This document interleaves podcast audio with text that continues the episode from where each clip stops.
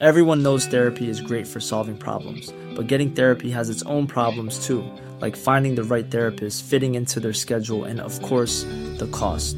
Well, BetterHelp can solve those problems. It's totally online and built around your schedule. It's surprisingly affordable too. Connect with a credentialed therapist by phone, video, or online chat, all from the comfort of your home. Visit betterhelp.com to learn more and save 10% on your first month. That's BetterHelp, H E L P. When people are happy with risk and embrace risk, then by definition, uh, prices go high.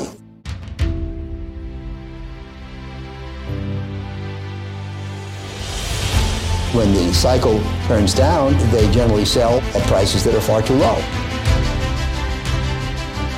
This is not about getting more information. We live in a world where we have too much data.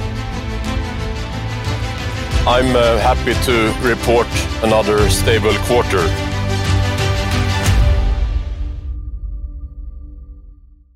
Hallå och välkomna tillbaka till Aktiesnack. Det här är en podd som görs i samarbete med Kalkyl och idag blir det specialavsnitt där vi ska snacka Sveriges mest ägda aktieinvestor tillsammans med Magnus Dalhammar som är Head of Investor Relations. Så varmt välkommen Magnus!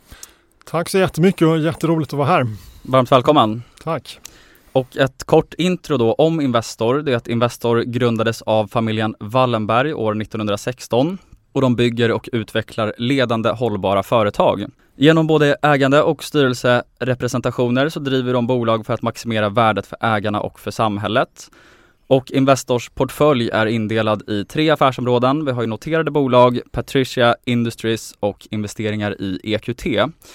Och fördelningen per dessa för justerade tillgångar är 70% i noterade bolag, 20 i Patricia Industries och 10% i EQT per senaste årsredovisningen.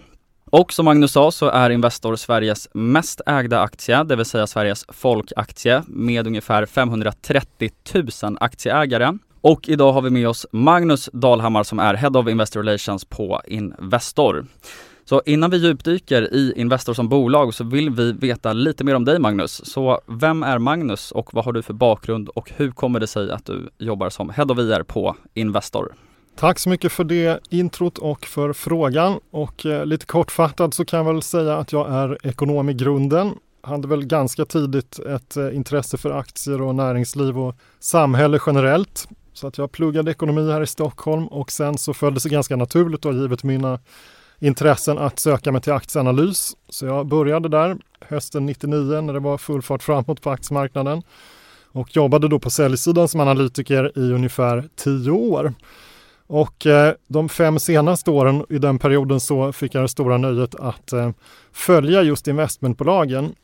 Eller om jag ska vara helt ärlig var, ska, så var det så att jag tog investmentbolagen när de blev lediga på avdelningen där och började följa dem. För jag hade redan där någonstans snokat upp att det där Investor känns som ett ganska intressant bolag. Så att jag följde Investor från säljsidan i ungefär fem år och hade väldigt mycket och god kontakt med ja, min egen företrädare då, den som var Investor Relations ansvarig på Investor då. Och det kan ha varit så att jag kanske sa någon gång till honom att om du flyttar på det någon gång så skulle det kunna vara intressant att få eh, göra ditt jobb. Och eh, jag kanske inte bara sa det en gång för den delen om man ska vara ännu mer ärlig. Och så blev det faktiskt. Så att eh, för ungefär 14 år sedan så fick jag nöjet att kliva in i den här rollen som eh, ansvarig på Investor. Väldigt spännande. Och vad var det med just Investor som var så fängslande? Jag tycker att Investor är ett fantastiskt bolag. Jag tyckte det redan då också och framförallt den verksamhet som vi håller på med. Som du var inne på i inledningen så handlar det ju om att bygga hållbara fantastiska bolag över tid och det är ett otroligt spännande arbete att få vara med och eh, berätta om helt enkelt. Och det har ju Investor onekligen varit väldigt, väldigt bra på. Och jag tror också att många är nyfikna på vad du gör i det dagliga, mm. det vill säga vad man gör som Investor Relations-anställd. Jag brukar försöka förklara min roll som att man är någon slags tvåvägsambassadör, eller vad man ska kalla det för. Och det handlar ju om att jag ska försöka se till att så många som möjligt där ute på aktiemarknaden och andra marknader och andra intressenter också för den delen ska ha en så korrekt och bra bild av Investor som möjligt. Och samtidigt ska jag försöka förmedla internt då vad investerare och andra tycker om oss där ute. Så det är väl egentligen det huvudsakliga uppdraget. Och sen när man ska försöka förklara vad man gör en vanlig dag så blir det ganska svårt för det, det är en ganska varierande eh, arbetsmiljö.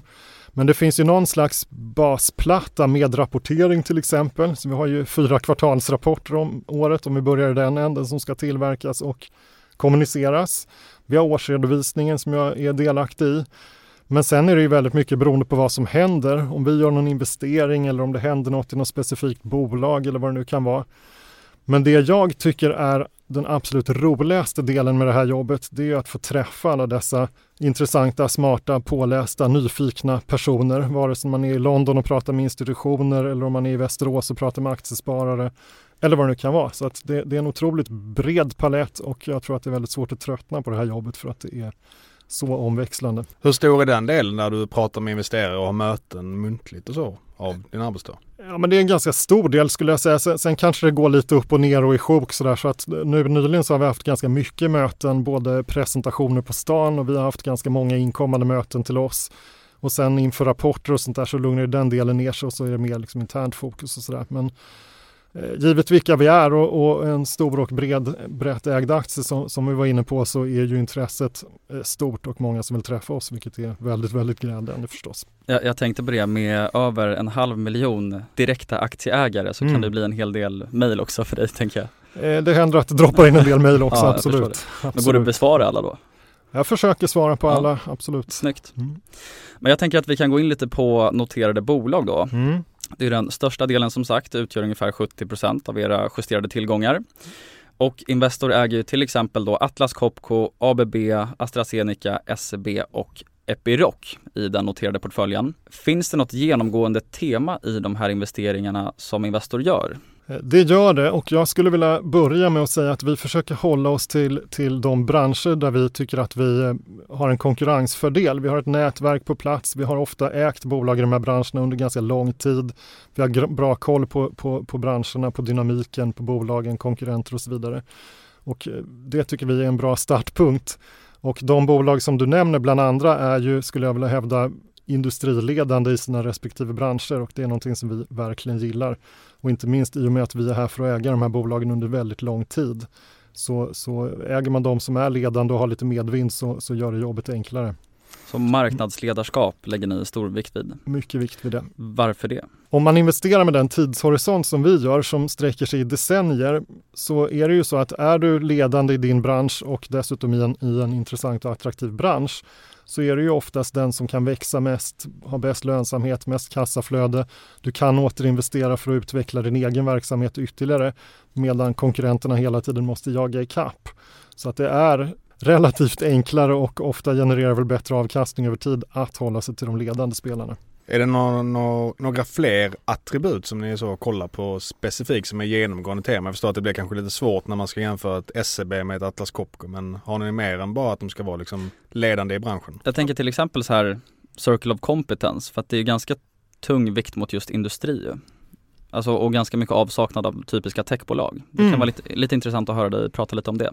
Absolut, och, och då kommer jag tillbaka till lite grann det här att vi, vi är gärna där vi upplever och bedömer att vi har en, en klar konkurrensfördel. Vi vet hur branscherna funkar, vi kan bolagen, vi har ett bra nätverk av personer som har varit med, kanske tidigare vd eller vad det nu kan vara, som, som kan vara med och hjälpa till att driva de här bolagen och utveckla dem. Som du säger, det finns ju massa intressanta branscher som vi inte investerar i, men där känner vi att vi kanske inte har samma konkurrensfördel utan vi blir mer som, som vilken investerare som helst. Och det tycker inte vi är riktigt värt risken eller besväret. Då är det bättre att andra får ta hand om de möjligheterna. Men det är ju självklart så att om, ja, ta tech som exempel är, är ju någonting som är viktigt för alla bolag där ute. Mm, Men för oss är det mycket vettigare att vi ser till att alla våra bolag se till att använda de möjligheter som teknologi erbjuder, vad det nu kan vara AI eller digitalisering eller vad vi nu vill prata om. Men då är det mycket viktigare för oss att, att Atlas Copco, ABB och Ericsson och SEB eller Mölnlycke eller vilket bolag vi nu vill ha som exempel, att de drar fördel av det här istället för att vi investerar direkt i något techbolag, för det är kanske inte mm. riktigt vi. Har ni samma fokus i den onoterade portföljen? Branschmässigt så är det ungefär samma fokus, men man kan se också på den onoterade sidan att, att det, det är ganska mycket medtech där och det är eh, en del eh, automation via Piab. Men, men ungefär samma. och Piab det är Patricia Industries. Ja, Ja. stämmer.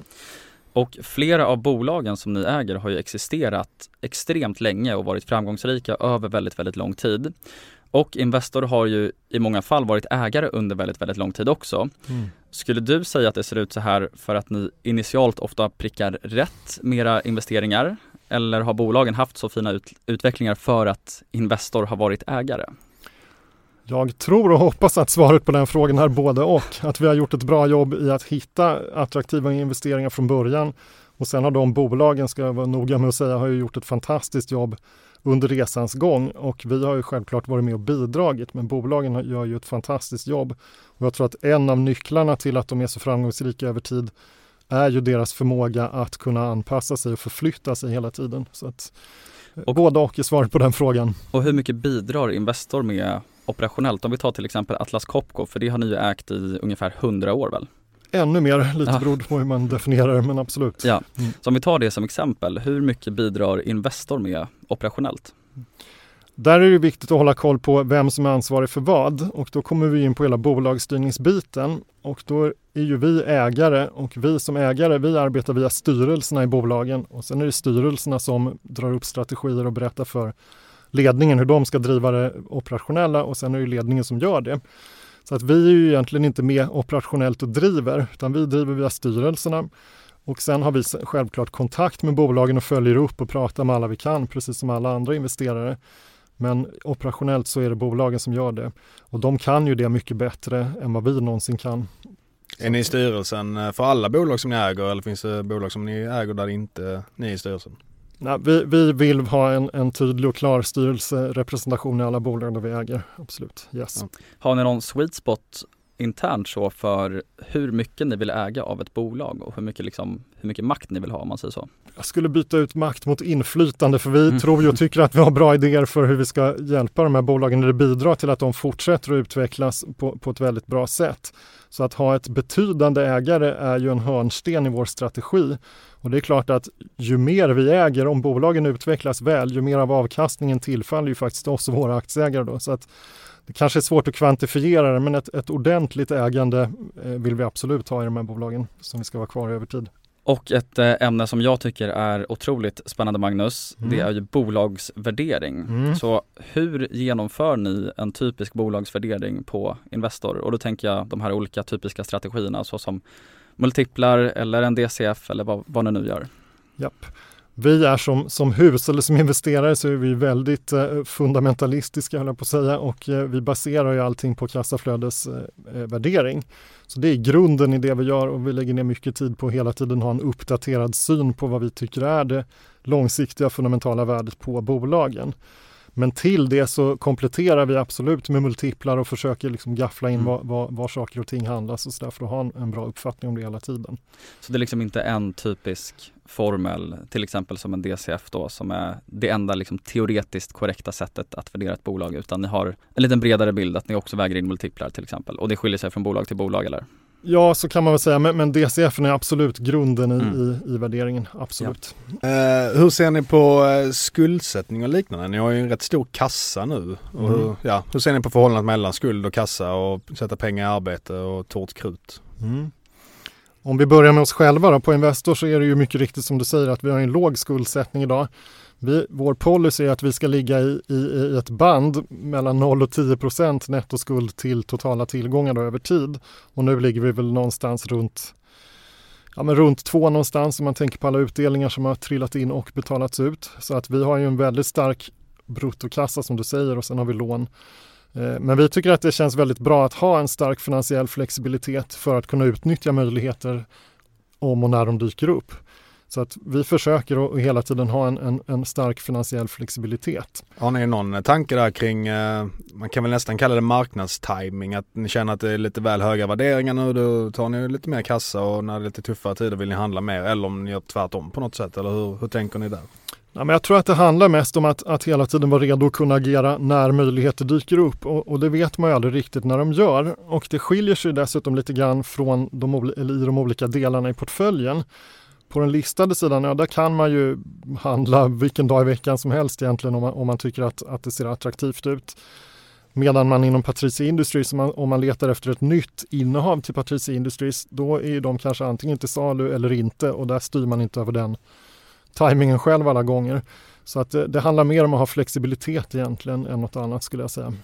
Och jag tycker det är lite intressant också att ni har en väldigt låg skuldsättning nu och ni har även en rekordstor kassa noterade jag på 32 miljarder per den senaste eh, kvartalsrapporten.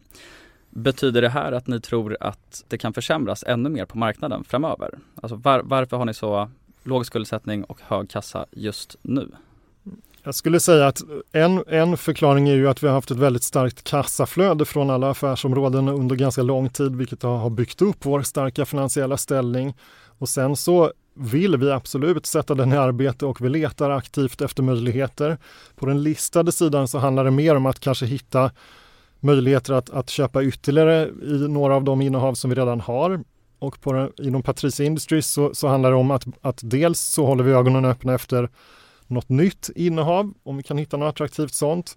Men också att växa de befintliga bolagen genom tilläggsförvärv. Och de har gjort, om man tittar på Patricia så har de gjort ett långt antal eller ett stort antal tilläggsförvärv genom åren.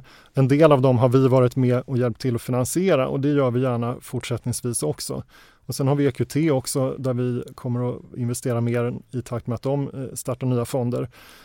Exakt hur fördelningen blir, det kan ingen svara på tror jag, utan det kommer bero på var och när vi hittar de mest attraktiva möjligheterna. Så att jag skulle säga att det är mer det än att vi ser framför oss något, något eh, extra mörkt scenario eller någonting mm. sånt, utan mer, mer vara beredd och flexibel. Vi kommer ju att vara disciplinerade och vi får många frågor om när ska ni investera och vad och så vidare. Och, och, det är klart att det är väldigt spännande men jag tror att det, det, sämsta vi skulle kunna göra är att investera för sakens egen skull. Så att vi kommer absolut vara disciplinerade och eh, slå till när vi hittar det vi bedömer är de mest attraktiva möjligheterna. Och på tal om det här, mm. eh, hur mycket energi och tid lägger ni på makroanalys kontra bolagsanalys? Alltså den, stor, den, den tveklöst största delen är ju på att analysera branscherna och företagen skulle jag säga. Och givet att vi är där för att stanna under väldigt lång tid så försöker ju vi se igenom eller rida igenom eh, cykler och så vidare, eller hur man nu ska uttrycka det. Men det är klart att vi försöker hålla koll på makron också, men vi, jag tror inte vi har någon, någon liksom bättre bild av makron och så än, än någon annan bedömare. Sen är det klart att kan man tajma saker lite grann genom att hålla koll på makromiljön så är väl det bra också, men det är inte där fokus ligger. Finns det några specifikt på Investor som fokuserar bara på makro? Vi fokuserar på väldigt mycket saker, men jag tror inte någon bara fokuserar på mm. makro, nej. Hur många anställda är det på Investor? Per årsskiftet så var vi 94 vet jag mm. och den siffran är väl i princip intakt fortfarande. Det blir mycket market cap per anställd. Det är mycket market cap per anställd, absolut. Men det tycker jag är en av, av tjusningarna och inte, inte minst i mitt eget jobb att, att på, på vissa sätt är vi ju enormt stora. Vi är mest ägda aktien som sagt och vi är i en portfölj på 700 plus miljarder och samtidigt så är vi 94 anställda så man får liksom både det väldigt stora och det väldigt lilla i samma. Så det är en väldigt intressant dynamik tycker jag. Mm. Vad är det som leder till att ni eh, säljer eh, aktier? Det är alltid en intressant fråga. Mm. Vi investerar ju alltid med en väldigt långsiktig horisont så att vi, vi köper ju aldrig ett bolag med tanken att vi ska jobba med det i några år och sen sälja det vidare. Så det är själva grundtanken. Men sen är det ju klart att saker och ting händer ju längs vägen. Det kan vara industridynamik som förändras eller det kan vara nya regleringar eller det kan vara olika faktorer som gör att mm, potentialen i det där innehavet är kanske inte längre vad vi trodde att den var eller tyckte att den var. Eller det kanske finns massa potential kvar men av någon anledning så är inte vi den bästa eller rätta ägaren för att realisera den potentialen. Så då försöker vi, när vi, när vi kommer fram till den slutsatsen, då försöker vi hitta ett nytt bra hem, en ny bra ägare till det innehavet och se till att vi får så bra betalt för det som möjligt till våra aktieägare. Så att det händer, det, det, kan vara väldigt långt mellan varven men visst händer det att vi säljer saker, absolut. Kan ni sälja bara på grund av värdering någon gång? Det brukar inte vara fallet utan är det någonting som vi kanske tycker är, är ordentligt värderat då, då, handlar det mer om att kavla upp ärmarna och se till att, att, att vi hjälps åt och, och få, få det här bolaget att växa in i värderingen. Så att det handlar mer om mer strategiska eh, faktorer de gånger vi har sålt innehav. Mm. Mm. Intressant. Och Investors avkastning de senaste 40 åren har varit ungefär 14% per år, vilket är klart bättre än, äh, än börsen. Mm. Man brukar säga att svenska börsen, OMXS30 mer specifikt, har avkastat ungefär 7 8% historiskt. Mm. Och jag tror att Investors avkastning senaste 100 åren har varit ungefär 12 eller 12,5 procent. Rätta mig gärna om jag har fel här. Jag tror att du är i rätt område där. Mm, ja, härligt. Eh, hur tänker du kring att det eventuellt då blir svårare framöver att upprätthålla en så här fantastisk avkastning med tanke på att Investor har blivit så stora nu? Bra fråga, men jag, jag, skulle ju säga att det kommer ju förstås krävas ytterligare en massa hårt arbete och att vi ser till att vi har en bra portfölj hela tiden. Så vi måste ju fortsätta att investera i högkvalitativa bolag. Vi måste kanske lämna något som inte ska vara där över tid, men framförallt jobba med, med den massa vi har och se till att den är så väl exponerad mot långsiktig attraktiv tillväxt som möjligt. Eh, så att receptet är detsamma, absolut. Sen, mm. sen är det klart att det kanske är lättare när man var 100 miljarder än 700. Men... Ja, Berkshire Hathaway är lite större och de fortsätter takta på i bra takt i alla fall. Ja men det är bra, nu har vi någonting att sikta in oss på där, ja, svensk... inspireras av. Precis, svenska Berkshire Hathaway får vi väl ändå kalla Investor tycker jag. Tackar vi för. En annan intressant fråga tycker jag är varför man väljer att ha en onoterad och en noterad del. För mm. På tal om Berkshire Hathaway så har ju de samma koncept och till ja. exempel Latour och så vidare. Varför har man det så? Mm. Men om man börjar så, så, tycker jag, eller tycker jag, vi tycker att det är en väldigt bra flexibilitet att ha olika affärsområden att kunna investera i, både på den noterade sidan och den onoterade. Men om man tar ett steg tillbaka och tittar på hur vi har sett ut historiskt så har ju vår portfölj främst bestått av de, av de noterade bolagen. De betalar utdelning till oss. Den skickar vi ganska raskt vidare i stor utsträckning till våra ägare. Så vi har inte alltid haft så starkt eget kassaflöde att använda för att köpa nya bolag eller öka på den befintliga eller så vidare. Så då har vi varit tvungna att egentligen sälja något för att kunna köpa något. Antingen sälja något helt eller gå fram lite med osthyveln i portföljen. Och det vet ju alla som håller på med aktier att ibland vill man ju kanske köpa något utan att sälja någonting till att börja med. Så att en väldigt viktig strategisk eh, pusselbit i det här är helt enkelt att bygga upp en egen kassaflödesförmåga. Och det har vi gjort genom skapandet av, av Patricia Industries och den onoterade portföljen. De bolagen ska naturligtvis vara väldigt bra bolag på sina egna meriter och en viktig komponent är att de över tid ska kunna generera ett väldigt bra kassaflöde så att de kan återinvestera i sin egen lönsamma tillväxt men också distribuera kapital till Patricia och Investor som vi kan använda. Så att det, vi får en helt annan finansiell flexibilitet skulle jag säga genom den här eh, mixen av noterat och onoterat. Och sen så hoppas vi också att om vi kan visa oss duktiga på att hitta onoterade bolag och utveckla dem så att de blir ännu bättre, ja, förhoppningsvis blir vi, vi mer attraktiva som investeringsmöjlighet då, än om vi bara erbjöd den listade portföljen som man ju kan investera i eh, själv också för den delen. Mm. Och eh, då kan vi prata lite bara om fastigheter. För mm. er exponering mot fastigheter har ju gått ner över tid. Och ni ägde ju till exempel då Grand Hotel tidigare, men det har ni sålt. Berätta lite om er fastighetsexponering och varför det har blivit mindre över tid. Mm. Det är ju precis som du säger, eh, men jag skulle också säga då att fastigheter har väl inte egentligen varit ett av våra större kärnområden över tiden egentligen. Så att det, det handlar ju lite om renodling och det här att är vi den bästa hotellägaren? Ja, kanske inte. Det är ett fantastiskt hotell, men vi tycker att det är fantastiskt att de har fått en ny bra ägare istället så att vi kan koncentrera oss på det som vi tycker att vi kan bättre egentligen. Vad har ni kvar för fastighetsexponering? Ja, det är framförallt ja, via Vectura, vårt, vårt mm, dotterföretag som har bland annat så investerar de och utvecklar sina innovationskluster. Man tänker mm. på eh, här borta i Hagastaden till exempel, GoCo i Göteborg och några andra där, där många life science-bolag och liknande har bra plats mm. att jobba ifrån. Och ja. sen så är det vårt huvudkontor, men, men egentligen är det ju det som är vår fastighetsexponering. Idag. Ni har inte funderat på att gå in på marknaden nu då och fynda lite när det är så stökigt? ja, vi får väl se, men, men ja, jag tror att vi kommer att, att huvudsakligen leta på andra ställen än så, absolut. Jag förstår. Vectura jobbar ju på med sina grejer naturligtvis, absolut. Uh, hur tänker ni kring ESG i era innehav? Ni har ju Saab som varit en riktigt het eh, ESG-potatis eh, senaste ett och ett halvt året. Så hur ser ni på den biten? Mm. Ja, men ESG och hållbarhet är något som är otroligt viktigt på riktigt. Och vi är fullkomligt övertygade om att det här med hållbarhet och långsiktig lönsam tillväxt går verkligen hand i hand. Är du inte hållbar som företag, om du inte beter dig som, som man ska i samhället och inte kan producera hållbara produkter och tjänster, ja då kommer du liksom inte sälja några produkter, du kommer inte attrahera några anställda. Så att det går verkligen hand i hand. Vi fokuserar som, som, på Investor på tre fokusområden. Det ena är affärsetik och styrning, ganska naturligt som en engagerad ägande, ägare. Vi har eh, klimat och resurseffektivitet och vi har eh, mångfald och inkludering. Så att hållbarhet är ju så enormt brett, men det är de tre fokusområdena där vi känner att vi kan ha en rejäl impact. Men i slutändan så den stora impacten är ju förstås det som portföljen eh, åstadkommer. Och där är det ju otroligt glädjande att vi, vi satte som mål för portföljen som helhet att till 2030 så skulle de från början halvera sina koldioxidutsläpp jämfört med 2016.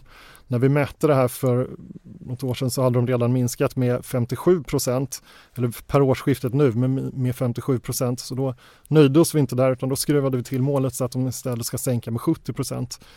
Och det, det, är ju förstås något som är otroligt bra för, för klimatet. Men det handlar ju i slutändan om att se till att man, man erbjuder produkter och tjänster som är hållbara. Och sen nämnde du Saab där som sagt och eh, det är någonting som vi fick en hel del frågor kring eh, för några år sedan. Men det hände ju något där den 24 februari förra året så att de frågorna är betydligt färre idag. Just när det gäller Saab. Ja. Men så man kan kanske, om jag tolkar det rätt, så de har liksom alltid eh, varit okej okay inom de parametrarna som ni kollar på och sen så nu har även det bredare ESG-perspektivet sagt att Saab är okej okay också i och med att många säger att vapen har blivit det. Ja, men för oss, Saab är ju ett fantastiskt teknologibolag om man börjar i den änden och sen att, att kunna ha ett försvar och trygga gränser och så vidare, det är ju en mänsklig rättighet. Och svenska folket och Sveriges riksdag vill att Sverige ska ha ett bra försvar. Så vi, vi tycker att det vore lite konstigt om man inte skulle kunna få investera i det. Så det har varit vår syn under lång tid. Sen, sen finns det ju andra som har haft annan syn. Vissa av dem har väl svängt då det senaste året eller så. Och, men sen finns det ju några som fortfarande inte är så förtjusta i vapen heller så att det, det finns lite olika där ute. Ja, men jag, jag håller med er syn. Det gör jag Tack. med. Så om vi går in lite på kapitalallokering. Ja. Då finns det framförallt eh, två väldigt intressanta frågor då kopplat till utdelningen tänker jag. Mm. Varför har man valt att spika en utdelningspolicy då när, när det ibland, tänker jag, finns en möjlighet att man istället kan förränta kapitalet i verksamheten själva, alternativt återköpa aktier. Mm. Så prata lite om, om de här tre parametrarna och hur det kommer sig att Investor delar ut pengar och varför er utdelningspolicy ser ut som den gör. Mm. Men vårt övergripande mål är att vi ska generera en attraktiv totalavkastning till våra aktieägare. Och där är ju utdelningen en, en viktig komponent. Och eh, om inte jag minns fel så är ju utdelningen en, en förvånansvärt stor del av totalavkastningen över tid på börsen som helhet. Så det är en väldigt viktig komponent. Och utdelningen är viktig för många ägare, självklart inte minst för våra huvudägare Wallenbergstiftelserna som i princip lever av de utdelningsintäkter som de får från oss och andra innehav. Och då ska man ju komma ihåg att de är ju den största privata finansiären av svensk forskning och utbildning efter staten. Så de, de är ju i högsta grad beroende av en, en hyfsat stabil förutsägbar utdelning över tid. Och det är något som sagt som, som uppskattas av många andra ägare också. Mm. Samtidigt så vill vi också investera såklart, men, men, men ambitionen är definitivt att, att hålla vår utdelningspolicy med en stadigt stigande utdelning över tid, men också ha krut för att kunna investera när vi hittar bra möjligheter. Men det är de två som vi fokuserar på, inte på då till exempel återköp. Har ni återköpt aktier någon gång historiskt? Bara för att, hedga personal aktiesparprogram mm, ja. och sånt men, men, inte för något annat ändamål, nej. Jag förstår. Mm. Och berätta lite om det här kapitalallokeringsdilemmat också mm. som mm. ni ibland kan stå inför när det kommer till att till exempel då öka i Atlas Copco till exempel. Eller då att köpa nya bolag till Patricia Industries. Mm. Eller för den delen EQTs fonder som ni också är med och investerar i. Hur mm. gör ni den här avvägningen? Man kan väl hålla tummarna för att alla de där tre möjligheterna inte dyker upp exakt samtidigt. Och sen så har vi ju en stark finansiell ställning så förhoppningsvis har vi förmåga att, att göra några olika saker mer eller mindre samtidigt. Men det är klart i slutändan så slår man väl i någon form av begränsning och då, då får man ju verkligen ta sig en rejäl funderare på vilken av de här möjligheterna som ligger på bordet bedömer vi kommer att generera bäst avkastning mm. över tid och så får vi gå på det. Ja. Svårt att vara så mycket mer specifik kring det egentligen, men- det är så själva tankegången är i alla fall skulle jag säga. Eh, och sen har ju bolagen som ni äger gjort en del avknoppningar genom åren. Mm. Ni är ju med i styrelsen så jag antar att ni liksom har inblick i alla fall. Hur går liksom rationalen där och vad, när tycker ni på Investor att det kan vara bra läge att göra en avknoppning? Ja, det är, en, det är en, en väldigt bra fråga och jag tror att det är svårt att ge något standardsvar eller standardrecept på det. Men det kan ju vara så att, att något bolag har över tid liksom vuxit bra, adderat flera ben, man har blivit engagerad i olika verksamheter som kanske i slutändan inte har jättemycket med varandra att göra. Det blir mer och mer för en ledning och en styrelse att hålla koll på. Då kanske man kommer fram till någonstans att ja, man kanske ska dela upp det här i, i, i några delar istället och därmed ge dem bättre förutsättningar att, att växa var och en för sig med egna ledningar och styrelser som kan fokusera mer på, på bara de grejerna som just det bolaget eh, håller på med och så vidare. Så det kan ju vara en anledning. Eller att det är sån, sån skillnad i, i dynamiken eller affärsmodell någonting mellan olika delar i ett och samma bolag att det är bättre att splitta på dem. Vill du berätta lite om er syn på vad fördelarna med en avknoppning kan vara? Då tänker jag liksom alignment of interest och så vidare. Mm. Nej, men det, kan ju, det kan ju vara så lite om man är inne på, det- på det exemplet som, som, som vi precis pratade om att, att ett bolag har varit, blivit väldigt stort och framgångsrikt i alla delar över tid. Men till slut så blir det väl någonstans att någon del kanske inte får riktigt det fokuset det förtjänar eller att det finns massa investeringsmöjligheter i, det, i den verksamheten men det gör det i någon annan också och så blir det lite dragkamp där till slut så att då skulle det kunna vara så att de två delarna mår bättre var och en för sig med alignment of interest med separata ledningar och styrelser som bara kan fokusera på, på de två respektive benen istället för att ha helheten där. Och vad är de viktigaste sakerna skulle du säga att få till rätt när man gör en avknoppning? Är det liksom att få rätt management på plats i det avknoppade bolaget? Är rätt tajmingen är rätt? Det skulle vara jätteintressant att bara höra lite om det här. Ja men alltså människorna är ju jätteviktiga såklart så att man, att man verkligen får till den här ledningen som kan fokusera på det. Att man får till en, led, en styrelse som verkligen kan fokusera på just det den verksamheten håller på med. Att, att bolaget får, får tillräcklig liksom storlek och och så vidare för att, för att orka stå på egna ben eller vad man ska säga. Så att det, Mm. det finns en rad parametrar där som är viktiga att, att ta i beaktande. Så Och, att vissa eh, gånger kan det ju vara så att en avknoppning makes perfect sense. I Mm. andra fall kan det ju vara så att det kanske är bättre att hålla ihop strukturen. Så att, Och nu tänkte jag prata lite om någonting som du tycker om Magnus. Jaså? Ja, Jag, jag tänkte på att när vi ändå pratar avknoppningar så måste jag också nämna Joel Greenblatt. Alltså jag, jag tycker det är så intressant det här när man är börsnörd och man har pluggat väldigt mycket Peter Lynch, Joel Greenblatt, Warren Buffett och så vidare. Hur bra koll har ni på, på de här profilerna? Och liksom hur mycket har ni inspirerats av dem? Eh, jag kan väl nämna att vi, vi, jag har väl hört eh, namnet Warren Buffett cirkulera på kontoret några gånger och det kan eventuellt ligga någon bok här och var också. Så Ja. jag tror jag har ganska god koll på dem. Mm, för Greenblatt är väldigt känd för just avknoppningar. Det är ju liksom hans grej och Ja. han har skrivit flera böcker just Mm. om avknoppningar där Mm. han liksom mappar ut varför det är så intressant och det är väl kanske snarare intressant då ur ett investerarperspektiv, det vill säga att vid en avknoppning så kan det bli ett naturligt säljflöde vilket gör att efter en avknoppning så kan en aktie ofta gå ner aktiekursmässigt vilket gör att det ofta kan vara bra ett halvår, ett år senare att köpa aktier i det som investerare. Men det förstår jag, det är inte riktigt kanske det, det fokuset ni har. Nej, det är väl de- de- delvis annat fokus i, i vårt fall, Mm. men, men vi, och på tal om fokus så, så skulle jag säga att vi är starkt troende just när det gäller fokus och att det, det är ju en av, av nycklarna till varför avknoppningar ibland är bra. Sen har vi ju eh, Patricia Industries Mhm. som eh, du har nämnt en del. Jag tror att det är ändå en ganska okänd del för många som inte är superinsatta i Investor. Skulle du kunna berätta lite mer vad de gör? Det är ändå 20% av bolaget. Mm, absolut. Eh, Och under ganska lång tid så har ju vi haft onoterade innehav. Men 2015 så, så tog vi beslutet att, att liksom strukturera den portföljen lite mer så att vi samlade ihop eller paketerade ihop de innehaven i det vi kallar för Patricia Industries. Eh, så att där har vi ju bolag som Mölnlycke och Permobil och, och Piab och så ett gäng amerikanska Labori, Bronability, Sanova och andra Advanced Instruments. Så att det, det är ett, ett, speciellt, eller ett specifikt affärsområde som du säger. 150 miljarder någonstans i värde just nu, 20 procent av portföljen.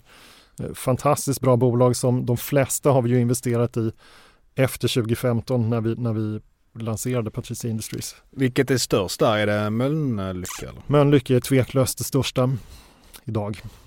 Och om man skulle jämföra det med något bolag på börsen, hur, vilka är de lika då? Alltså det är ett medtechbolag, en klar ledare inom avancerad sårvård. Och man kan ju alltid diskutera exakt passformen eller hur man, hur, man, hur man ser ut jämfört med andra bolag. Men de som brukar nämnas i samma sammanhang är ju till exempel danska Coloplast, det finns Smith Nephew, Convatec och några andra. Och på tal om värdering då, hur går ni tillväga när ni värderar bolagen inom Patricia Industries? är det samma sätt för alla de onoterade innehaven eller kan det skilja sig åt? Mm. Ja, när man tittar på vår rapportering så, så, så anger ju vi de bedömda marknadsvärdena för de här bolagen. Och då gör vi helt enkelt så att för varje bolag, Mölnlycke eller något av de andra, så har vi etablerat en, en peer group med, med jämförbara bolag. Vi försöker hålla dem relativt breda så att man inte blir för beroende av en eller två eh, jämförelsebolag eh, där som, som beroende på vad som händer med dem. Och ibland kompletterar vi även med något index om det är så att det kanske finns få uppenbara eh, jämförelsebolag och så vidare. Så där tar vi fram en multipel och sen applicerar vi den på 12 månaders rullande ebitda på våra bolag bakåtblickande så det är inga prognoser eller någonting sånt utan de resultat som de har eh, rapporterat de senaste 12 månaderna och sen drar vi av nettoskuld och så vidare. Så att det, det är en, en, en ganska mekanisk övning och det är själva idén att ju mindre handpåläggning desto bättre. Vi säger inte att det här är vad vi tror och tycker att det här bolaget är värt. Det här är vad vi säger att om det här bolaget handlades på börsen så skulle det förmodligen kunna handlas på de här nivåerna ungefär givet vad, vad jämförelsebolagen handlar. Men då tänker jag att jag hoppar tillbaka lite till Mölnlycke. Vad har ni för planer framåt för den verksamheten?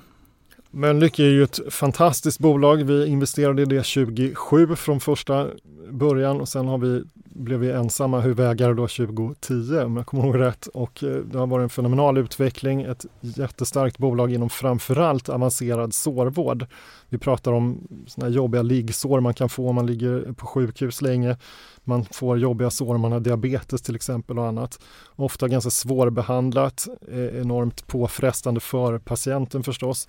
Och Mölnlycke är väldigt starka på produkter som, som hjälper till att snabba på läkningen, minska lidandet för patienterna och ta ut kostnader i hela sjukvårdskedjan. Så de har en väldigt stark position i sin marknad. Och det finns massvis kvar att göra med att eh, expandera geografiskt. Man kan ibland expandera med befintliga produkter fast i nya användningsområden och självklart ta fram nya produkter också. Så att det finns massvis med möjligheter att utnyttja det här bolaget. Man ska bara se till att det är Mölnlycke också som utnyttjar de här möjligheterna och ingen annan. Och på tal om eh, geografi så mm. om man bara tittar på er noterade portfölj, eller egentligen hela er portfölj, så kan man ju hävda att det finns lite home bias, att ni investerar väldigt mycket i Sverige. Vad beror det på? Det är precis i linje med samma resonemang som vi hade tidigare när det gäller att hålla sig till det vi kan. Det är väl kanske en liten referens till Warren Buffett också för den delen. Och eh, precis på, så, på samma sätt som, som när vi pratade om branscher och ha en konkurrensfördel så är det med geografier och vi är ju en ganska stor spelare här i Sverige får man väl säga. Vi vet hur bolagsstyrningen funkar, vi har ett jättebra nätverk och så vidare. Så här tycker vi definitivt att vi har en konkurrensfördel jämfört med många andra investerare. Om vi flyttar utanför Sverige så krymper den fördelen ganska snabbt tror vi. Och återigen då så tror vi att det är bättre att bolagen utnyttjar möjligheter runt om i världen. Om, om, om vi tycker att Kina eller Brasilien eller Indien eller vad som vi nu vill använda som exempel är en attraktiv marknad. Det är mycket bättre att Atlas Copco, ABB och, och Mölnlycke och andra fånga de möjligheterna att vi gör direktinvesteringar i Indien för det har inte vi någon erfarenhet av. Sen är det ju så om man tittar på den onoterade sidan inom Patricia, där investerar vi också i Nordamerika. Kanske inte en uppenbar eh, hemmamarknad för oss, men Investor har funnits på marken i USA sedan 1940-talet, framförallt med amerikansk personal.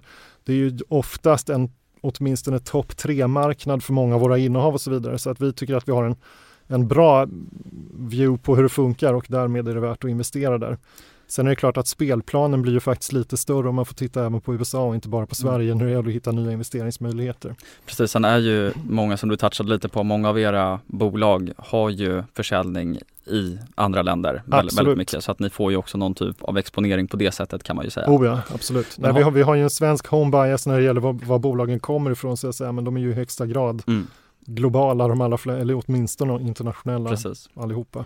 Uh, ni är också storägare i EQT mm. och uh, hur mycket är ni med och lägger upp liksom strategi och påverkar i det bolaget? För de är ändå lite lika Investor på sitt sätt kan man ju säga. Mm. Eh, ja, och det kanske inte är någon slump egentligen för att eh, vi var ju med och grundade EQT 1994 och ja, hela grundargänget kom egentligen ur Investor. Så att, att det finns ju starka kopplingar där historiskt kan man väl lugnt påstå. I dagsläget nu så äger vi 15% av EQT AB, det noterade bolaget. Och de bestämmer ju strategier och, och när man ska lansera nya fonder och vilka tillgångs eh, slag och annat och vi sitter med i styrelsen så att vi, vi är med där. Men sen investerar vi framförallt i de olika fonderna som EQT startar med jämna mellanrum. Men där är vi en, en finansiell investerare så att där när de startar en fond då ställer vi upp med vår andel av, av kapitalåtagandet. Men sen är det upp till den fonden att bestämma vad ska man investera i, vad gör man med de investeringarna, när är det dags att avyttra och så vidare. Så att där handlar det mer om att vi investerar och eh, som det har varit hittills över tid och i genomsnitt så har vi fått tillbaka mycket, mycket mer än vad vi har stoppat in. Så att det har varit en fantastisk affär för oss. Så då får ni helt enkelt kolla på vad de har i kikaren och utvärdera om ni vill vara med i den specifika fonden, eller hur funkar det? Ja, de, de, de, de, de lanserar ju olika fonder, om det är en mm. ny infrastrukturfond eller om det är en, en, en eh, mm. equityfond eller vad det nu är så får vi ta ställning till det. Exakt. Ja. Och vi måste ju såklart prata lite om substansvärde också. Där kom den. Ja. Eh, så hur ska man egentligen tänka då kring premievärdering kontra substansvärde? Är det liksom per automatik köpläge i aktien när det är substansrabatt och så vidare? Sen får du gärna förklara också vad substansrabatt eller premie är för någonting. Mm. Eh, vi kan väl börja den änden då att substansrabatt handlar ju helt enkelt om att vårt börsvärde är lägre än, än det totala värdet på våra tillgångar. Så att Köper man Investor så får man något som är värt 700 miljarder för 650 då säger vi bara för att ha något räkneexempel. Så att det är rabatten. Och i vissa fall så är det ett bolag som kanske är värt 700 miljarder på börsen fast portföljen är värd 600. Så att då har de istället en premie. Så att det är själva matematiken i det hela egentligen. Eh, sen, ja det här kan man ju hålla på och diskutera länge som helst, det kanske blir en, en jättelång podd. Men, men eh, man får ju hålla koll lite grann på hur rabatten har utvecklats historiskt eh, och var den befinner sig här och nu.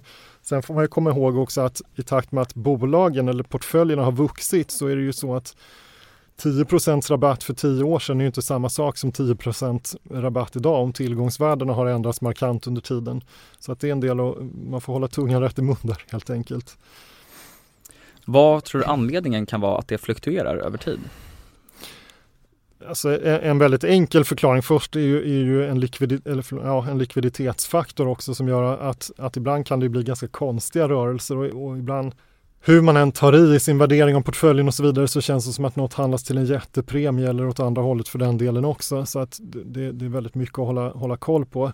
Eh, jag vet inte hur många gånger man har försökt göra någon slags lista på tänkbara förklaringar och det kan vara allt mellan portföljsammansättningen. Om, om, om man har 20 bolag fast investeraren gillar bara 15, varför ska man betala fullt pris för det? Det kostar lite att driva det, då, då äter ju det lite avkastning, då ska det vara rabatt.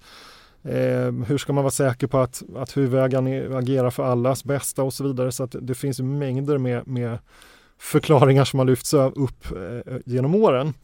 Sen har det gjorts en del studier eh, i, i hyfsad närtid får man väl säga som kommer fram till att investmentbolag som har lägre omkostnader eller förvaltningskostnader och bra utdelning tenderar, hör och häpna, att handla med lägre rabatter än de som har höga kostnader och dålig utdelning.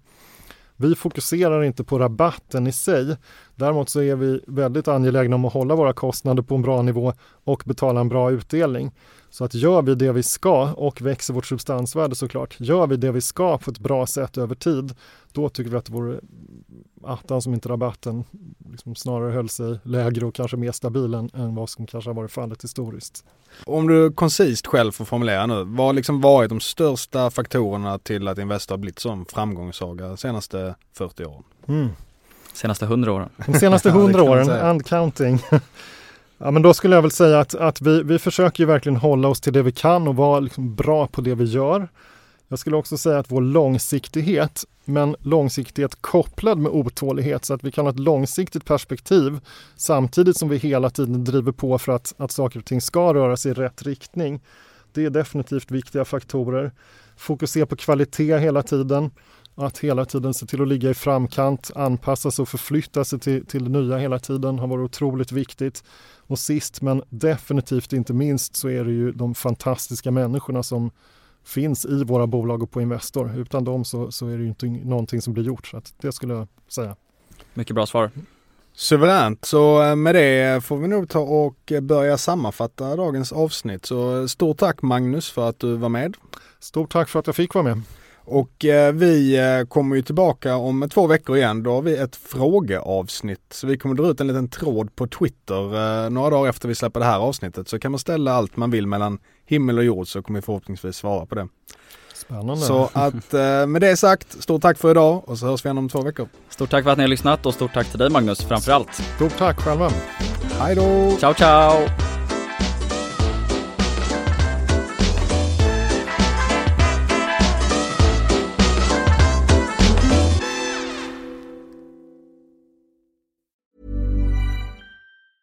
Mom deserves the best, and there's no better place to shop for Mother's Day than Whole Foods Market. They're your destination for unbeatable savings, from premium gifts to show-stopping flowers and irresistible desserts. Start by saving 33% with Prime on all body care and candles. Then get a 15-stem bunch of tulips for just $9.99 each with Prime. Round out Mom's menu with festive rosé, irresistible berry chantilly cake, and more special treats. Come celebrate Mother's Day at Whole Foods Market.